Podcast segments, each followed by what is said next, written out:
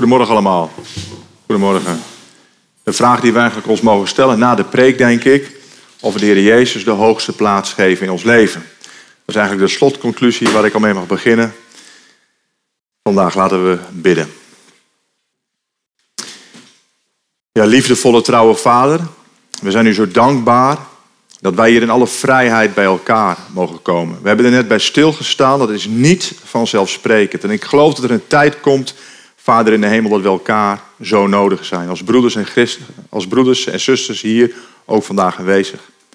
En Vader in de hemel, zijn u zo dankbaar voor uw Zoon, de Heer Jezus, die u op deze aarde heeft geplaatst voor ons. En Heer Jezus, wij behoren u toe. U bent over de winnaar. Heer Jezus, u kent onze hart, u kent ons bij naam. En ik wil u vragen, Heer Jezus, dat een ieder hart vandaag mag ontvangen dat wat een ieder hart nodig heeft. Dat vragen we zo in uw machtige naam. Kom, Heer Jezus, kom. Amen. Vandaag mag ik met u nadenken over het thema wat maakt ons zwak.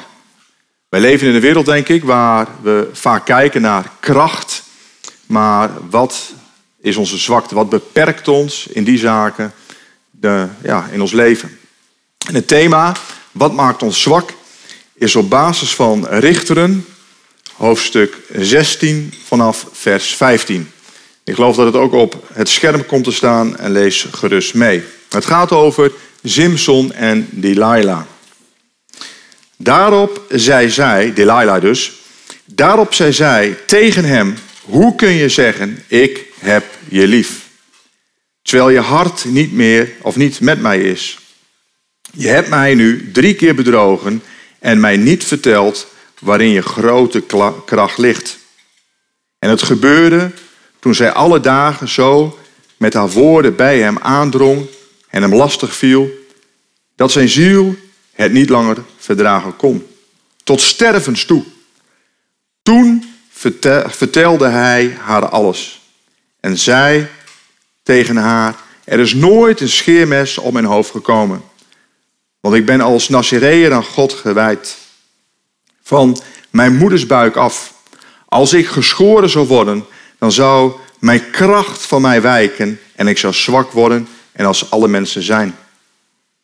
Toen Delilah nu zag dat hij haar alles verteld had, stuurde zij een bode en liet zij de Filistijnen, Filistijnse stadvorsten roepen en zei, kom ditmaal hierheen, want hij heeft mij alles verteld. En de Filistijnse stadvorsten kwamen naar haar toe en ze brachten het geld mee. Daarna liet ze hem op haar knieën slapen. Riep een man en liet hem de zeven haarlokken van zijn hoofd afscheren. En zij begon hem te vernederen en zijn kracht week van hem. En ze zei, de Filistijnen over je, Simpson. Hij ontwaakte uit zijn slaap en zei, ik zal net als de andere keren vrijkomen en hen van mij afschudden. Maar hij wist namelijk niet dat de Heere van hem geweken was. Toen grepen de Filistijnen hem en staken hem de ogen uit. En ze voerden hem af naar Gaza en bonden hem met twee bronzen kettingen. En hij maalde meel in de gevangenis. Tot dusver uit het woord van God. Vandaag mag ik met u nadenken over wat maakt ons zwak. Wat maakt ons zwak? Een aantal jaren geleden mocht ik voorbereiden een halve marathon. Een halve marathon in Thessaloniki. En uh, mensen die me kennen, die weten dat ik een handballer ben. En als handballer heb je eigenlijk een hekel aan hardlopen. Maar als handballer, ik was rechtshandig, was mijn sterke been was mijn linkerbeen. Dat is dan je sprongbeen. En zo halverwege de training, zo na een half jaar, ik had nog een half jaar te gaan, kreeg ik last juist aan mijn sterke been, mijn linkerbeen, aan mijn knie. En een goede vriend zei tegen mij, Richard, dan moet je naar de fysio gaan. Dan moet je shockwave therapie doen. Ik weet niet, weet iemand wie dat is, wat het is? Shockwave therapie? Ja, een paar ik heel voorzichtig al. Dat klinkt heel vriendelijk, hè? Shockwave therapie, maar dat is het niet. Nee, dat is ontzettend pijnlijk. Gaat letterlijk echt een pistool op je knie. En dan komt zo'n kogeltje komt eruit met hoge snelheid. Er zit gelukkig aan een touwtje vast, anders gaat hij misschien wel door je huid heen. Het is heel effectief, maar heel pijnlijk. Pijnlijk is het. Maar die fysiotherapeut zei tegen mij, Richard, je moet ook vier tot zes weken rustig aandoen. Want ja, je moet rustig aandoen, maar je moet wel in beweging blijven. Want wanneer je zes weken niks doet, dan gaat je conditie gaat enorm achteruit. Maar, zegt hij, jouw sterke been die heeft behoorlijk wat spiermassa. Maar jouw zwakke been, dat is jouw rechterbeen. En de spiermassa vanaf je rechterbeen, die gaat al sneller achteruit. Dus als je zes weken niks doet, dan raak je misschien over acht weken geblesseerd aan je zwakkere been. Wat hij geestelijk voor mij zei was, let op, focus je niet op je sterkte, maar hou ook rekening met je zwakte. Het is namelijk zo dat vaak niet in het leven dat je datgene niet bereikt door waar je sterker bent, maar zijn het niet de zwaktes in ons leven die ons beperken. En ik geloof dat we allemaal wel iemand kennen, een zus of een broer of een bekende Nederlander, waarvan wij denken, hoe is het mogelijk? Zo'n iemand die heeft zo misschien kracht of misschien wel de zalving van de Heer, zoveel gaven en talenten. De ene deur gaat open naar de ander. En wij denken allemaal, diegene die gaat het maken. Diegene gaat het maken, succesvol, hij of zij, in het zakenwereld, in de sport, in de muziek. Of misschien in de bediening die hij of zij heeft gekregen. En dan zien we toch dat die mensen uiteindelijk struikelen. Niet omdat ze zo, en niet vanwege hun kracht, maar vanwege de zwakte die hun beperkt. Nou, als u nou niet zo'n iemand kent, dan mag ik u vandaag voorstellen aan Simpson. En je kent vast allemaal wel het verhaal van Simpson, toch? Van de sterkste man uit de Bijbel. Het verhaal van Simpson, dat lezen wij vanaf Richteren 13 tot Richteren hoofdstuk 16. We kennen allemaal het verhaal van Simpson, hè, vanuit de zonderschool al. Simpson, de sterkste man van, vanuit het woord van God, die met zijn blote handen de leeuw dood. Of met een ezelskaak duizend Filistijnen dood. Voordat Simpson werd geboren, verscheen er een engel van de Heer aan de moeder van Simpson, de vrouw van Manoach. En deze vrouw die was onvruchtbaar. Er verscheen een engel van de Heer, verscheen aan deze vrouw. En die engel zei, let op, je zoon zal een Nazireër zijn. En dat mag u vinden in nummer 6, het Nazireërschap. En drie zaken, de meeste van ons kennen dat ook nog. Hè?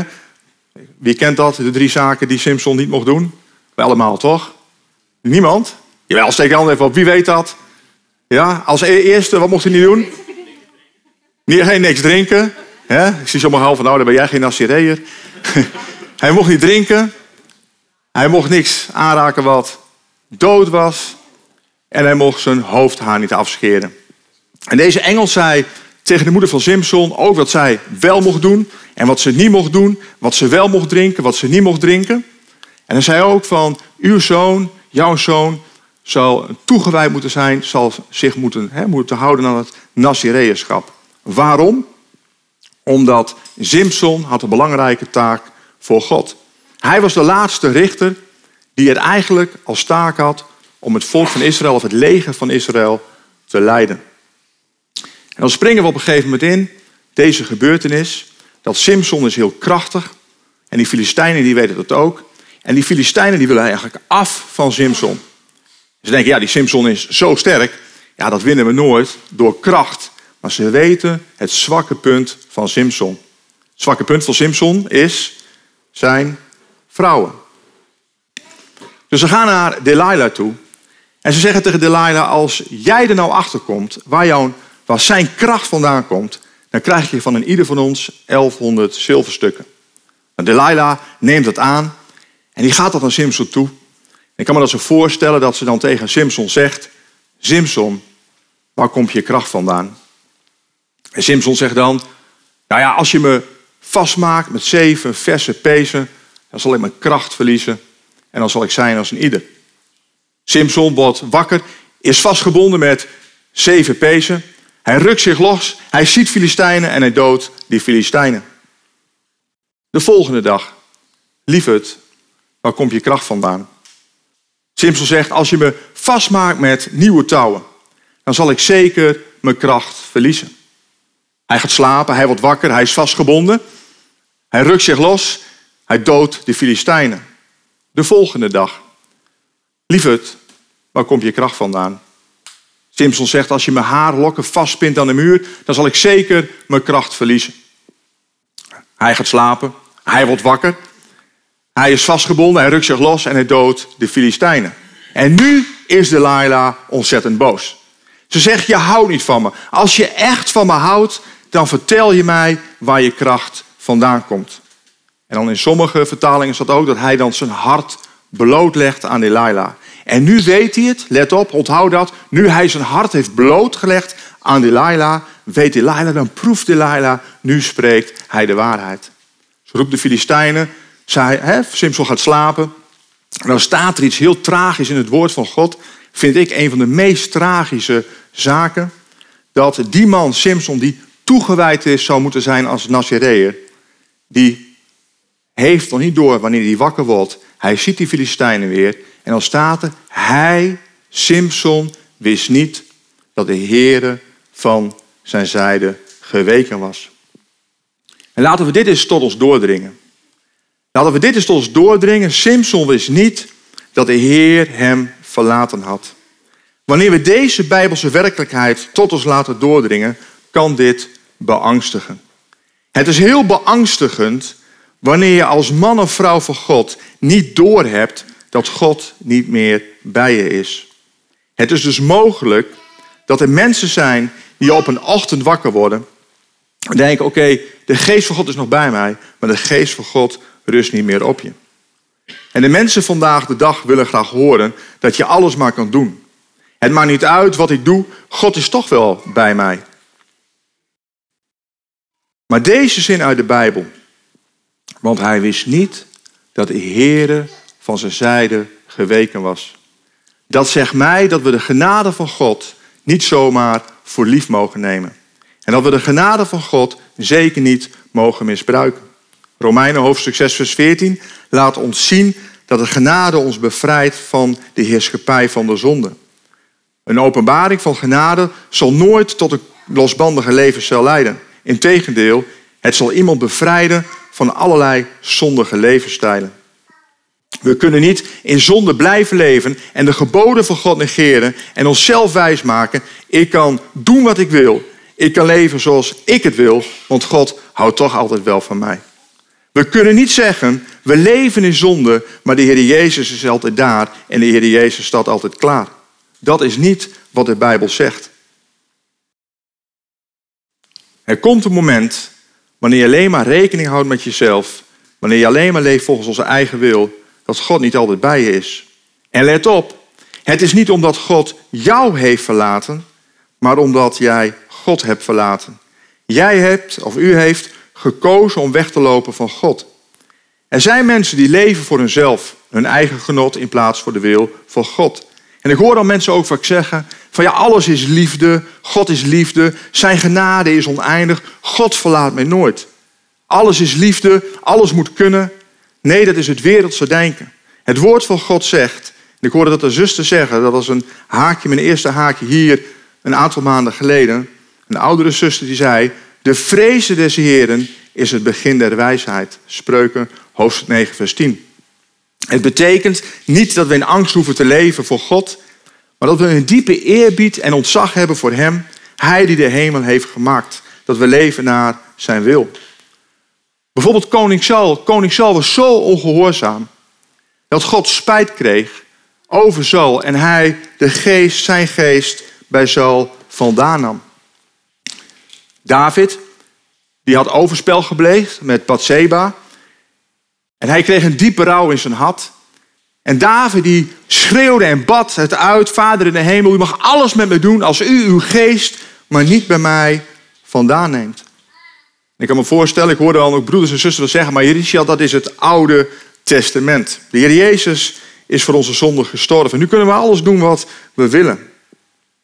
En Paulus die zegt ook tegen de kerk in Rome dat je zo ongehoorzaam kan zijn dat God je overgeeft aan een verwerpelijk denken. Je bent dan niet geest vervuld op dat moment, maar je geeft je over aan jouw verwerpelijk denken. Lees ook maar eens Romeinen hoofdstuk 1 en Romeinen hoofdstuk 6, 7 en 8. Hoe de geest van God als het ware samen met onze geest werkt. Weet je wat dat betekent? Dat betekent dat als christen op een plaats kunnen komen van ongehoorzaamheid. Dat God zegt, nu je ontspoord bent en leeft in zonde, blijf ik nu waar ik ben. En ik laat je even gaan. Doe maar wat je wil. Maar ik ga niet mee op jouw zondige reis naar alles is liefde. Je reis naar losbandigheid, je reis naar zelfingenomenheid. En wanneer jij jezelf hebt hervonden en je beleidt je zonde, sta ik altijd als een vader weer met de, weidewagen, met de weidewagen open om je te ontvangen. Het is beangstigend wanneer we wakker worden en we komen erachter dat God ons heeft overgelaten aan ons verwerpelijk denken. Maar het is tragisch wanneer we dat niet weten. Het is droevig wanneer de geest van God niet meer bij ons is, maar het is tragisch wanneer we dat niet weten. Het is droevig wanneer mensen op een plek komen waar God niet meer bij hen is. Kun je het voorstellen in deze wereld in kerken, zoveel kerken in Nederland, mensen die denken dat God bij hen is, maar God is helemaal niet bij hen. Maar het tragische is dat ze allemaal reizen zonder, het tragische is dat ze reizen zonder God. Simpson wist niet dat de Heer hem had verlaten. Dit pakte mij. De vraag die we dienen te stellen, hoe kan het zo zijn dat Simpson niet weet dat God niet meer bij hem was? Hoe kan deze man vol fysieke kracht niet weten dat de geest van God niet meer op hem rust? Hoe kan deze man zo ineens zo zwak zijn? Ik mag u vandaag op een viertal zaken wijzen. Twee heel kort. Als eerste, heel kort, Simpson is uiteindelijk gefocust op de wereld en niet op God. Hij had eigenlijk een roeping, God gaf hem de zalving. En in plaats van dat hij zijn zalving gebruikte voor zijn roeping, was hij aan het spelen, aan het feestvieren, ging hij achter vrouwen aan. En daarom had hij ook de focus op de verkeerde bron. Wij leren op de zonderschool dat Simpson is de sterkste man. Maar ik had ook altijd een beeld, onbewust, dat zijn kracht zat in zijn haar. Toch? Maar dat is niet wat de Bijbel zegt. Want wat mocht hij als Nazireën niet doen? Hij mocht geen wijn drinken. Hij mocht niet aanraken wat. En hij mocht zijn. En als we lezen, dan deed hij alles wat dus niet mocht. Als eerste, als daar de kracht in zit, Simpson, die dronk waarschijnlijk wijn. Want toen hij ging trouwen, hoofdstuk of twee hoofdstukken daarvoor, legde hij een feestmaal aan zoals te doen gebruikelijk was. Zette hij zich neer bij 30 Filistijnen. Het is heel aannemelijk dat Simpson wijn dronk. En Simpson raakte een dode leeuw aan. Amen. En toen verloor hij niet zijn kracht. Dus als Nazareër, waarom zou hij dan zijn kracht hebben verloren, dacht ik in het lezen, toen hij zijn haar liet afscheren. Hij was denk ik gefocust op zijn eigen bron. Je leest ook nergens dat een engel zegt dat zijn kracht in zijn haar zit. God heeft het niet gezegd. En we lezen drie keer dat hij een bijzondere kracht krijgt. Dat lezen wij twee keer zo in mijn hoofd. In hoofdstuk 14 en één keer in hoofdstuk 15. Wanneer hij God nodig is, dan lezen wij dat de geest van God op een machtige manier op hem komt. Maar Simpson denkt dat zijn bron, zijn kracht, zijn haar is. En ik geloof dat dit ook een valkuil voor ons kan zijn. Dat God ons zo zegent en bij ons is. Dat wij op een gegeven moment denken, oh het zijn onze eigen ja, zaken. Het is, het is onze baan, het is ons, ons geld of onze talenten die ons de kracht geven. Laten we nooit vergeten waar onze echte kracht vandaan komt. Simpson laat zich als drie leiden door zijn gevoelens. Dus één, had de focus op de wereld en hij had de focus op de verkeerde bron. Hij had op een gegeven moment niet meer door waar zijn kracht vandaan komt. Simpson als drie laat zich leiden door zijn gevoelens en negeert de waarheid. Als derde. En wanneer wij ons laten leiden door ons gevoel zonder waarheid, maken wij slechte beslissingen. Komen we op plekken ver bij God vandaan. God beweegt ons door zijn twee sporen. Zie het als een kar die vooruit wordt getrokken. God beweegt door de twee sporen, zijn woord en zijn geest. En zijn woord en zijn geest leiden je naar de waarheid. Wanneer de kar vooruit wordt getrokken, op de wielen zou je kunnen zeggen van woord en geest, en je probeert het zonder een van deze wielen te doen, dan komt de kar tot stilstand. Of je gaat even de verkeerde kant op. Wanneer je niet leeft vanuit zijn woord en je leeft je eigen leven voor eigen genot zonder God, dan kan je over worden geleverd aan een verwerpelijk denken. Je raakt het spoor helemaal bijster. Dan is je bestemming de wereld en velen van ons spoor helemaal. Maar kijk hoe het begint. Delilah stelt drie keer een vraag. En drie keer liegt Simpson. Zie, het begint altijd met een leugen. En elke keer wanneer Simpson liegt, handelt Delilah volgens de leugen. Delilah vraagt, lieverd, waar komt nu je kracht vandaan?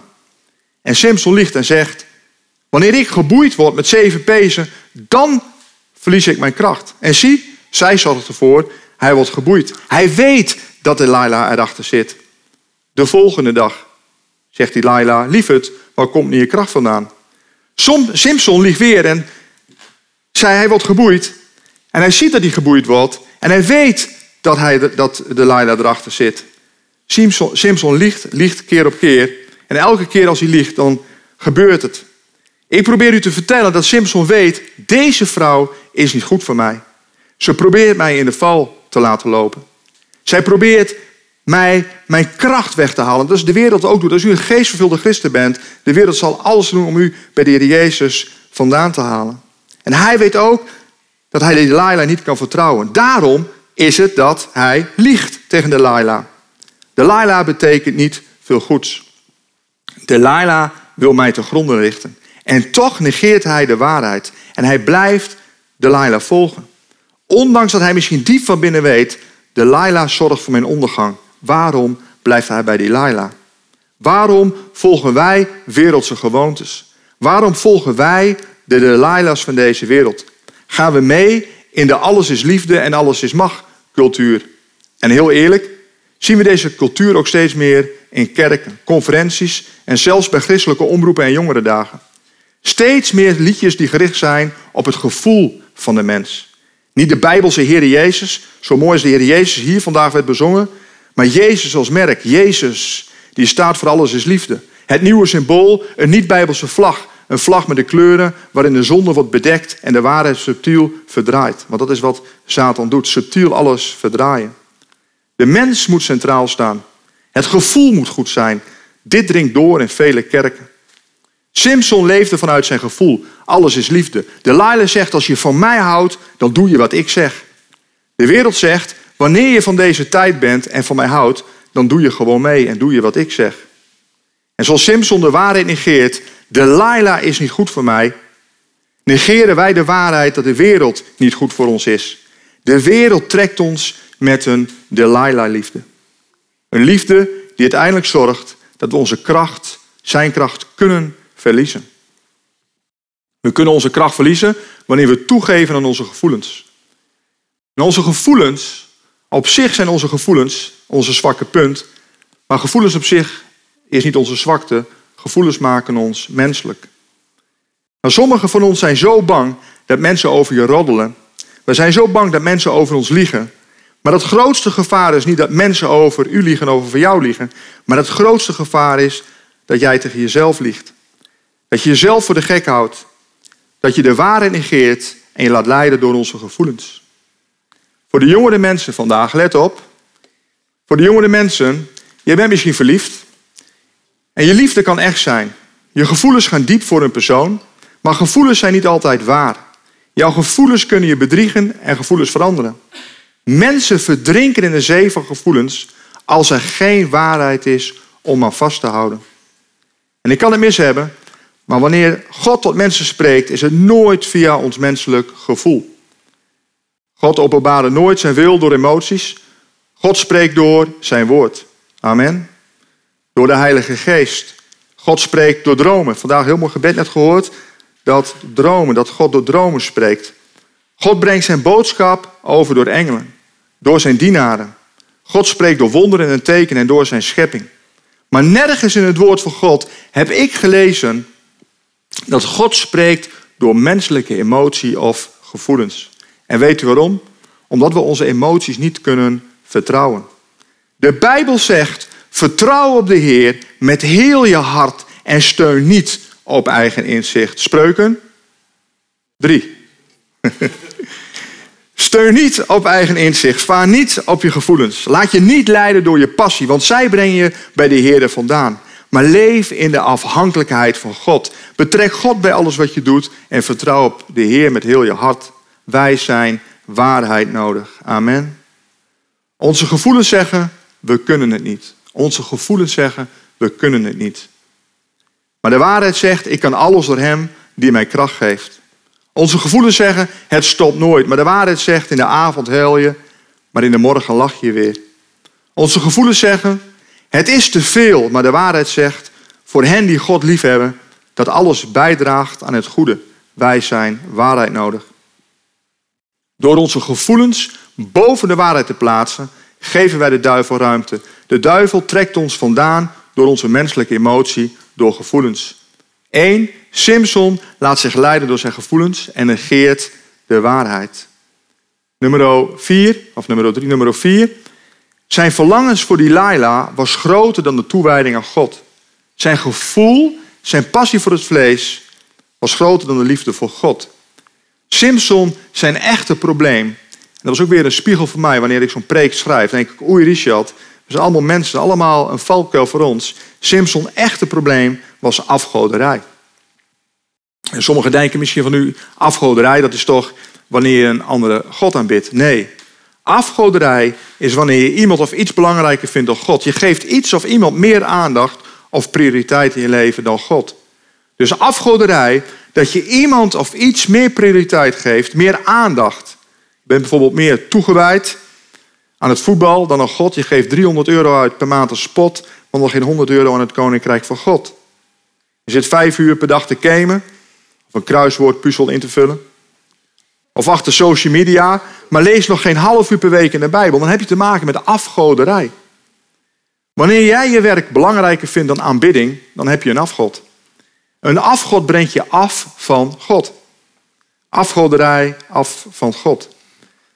Sommige mensen die gaan getrouw elke dag naar het zwembad baantjes trekken, maar bidden niet elke dag. En het probleem met Simpson, je leest nergens dat hij God echt aanbidt. Dat hij God dankt voor zijn overwinning. God gaf hem alles. God strekt zich uit naar Simpson, maar Simpson beantwoordt Gods liefde niet. Simpson koos niet voor God, Simpson koos niet voor waarheid, maar voor Delilah. De psalmist zegt, de Heere is alleen nabij die hem aanroepen. Alleen die hem in waarheid aanroepen, hij vervult, hen, hij vervult het verlangen van wie hem vrezen. Gods genade is openbaar geworden om alle mensen redding te bieden. Ze leert ons dat we de goddeloze en wereldse begeerten moeten afwijzen en bezonnen, rechtvaardig en vroom in deze wereld moeten leven. Dat mag u lezen in Titus hoofdstuk 2. Laten we Godvrezend zijn. De Romeinenbrief lezen we: Niemand die zijn geloof bouwt op hem, zal worden teleurgesteld. Laat ons uitstrekken naar zijn waarheid. Ook als gemeente van Jezus Christus. Voor sommigen denken van ja, logisch. Maar je ziet in deze wereld, in Nederland, een soort van geest oprukken waar je van af kan vragen of dat de geest van God is, die dwars door de kerken heen gaat. Van alles is liefde. Laten we ons uitstrekken naar zijn waarheid. En samen als broeders en zusters opgaan naar Gods huis met gejubel en gejuich. Komen in zijn hof met lof. Eren onze Heer die onze dagen maakt. Dat we verheugd zijn, want Jezus maakt ons blij en geen Delilah. Amen. Laten we bidden. Ja, Vader in de hemel, we zijn zo dankbaar dat we mogen weten, dat we mogen leven in afhankelijkheid van U. En Heer Jezus, ik wil u zo vragen om bij een ieder te zijn hier vandaag aanwezig. Dat uw waarheid diep mag landen in onze harten. Dat u ons nabij bent. Dat door de tijd die we straks door moeten gaan, ook hier in Nederland, dat we standvastig mogen zijn. Dat we mogen weten waar onze hulp vandaan komt. Dat onze hulp en verwachting is van u, Heer. Dat onze hulp en verwachting is van u, u die de hemel en aarde heeft gemaakt. Als we als broeders en zusters naar elkaar om blijven zien. Zoals we vanochtend zijn begonnen om met elkaar te blijven bidden. Dat we u blijven zoeken in alles wat we doen. En we zo vragen, Vader Hemel, om deze gemeente te zegenen. Om de kinderen te zegenen, om de gezinnen te zegenen hier aanwezig. Dat we het licht, het licht mogen zijn in deze omgeving. In deze donkere omgeving hier vol religie, vol ja, zaken die niet van u zijn. Dat de kerk mag volstromen, uw kerk. Want waar, de, waar uw geest is, daar is vrijheid. Amen.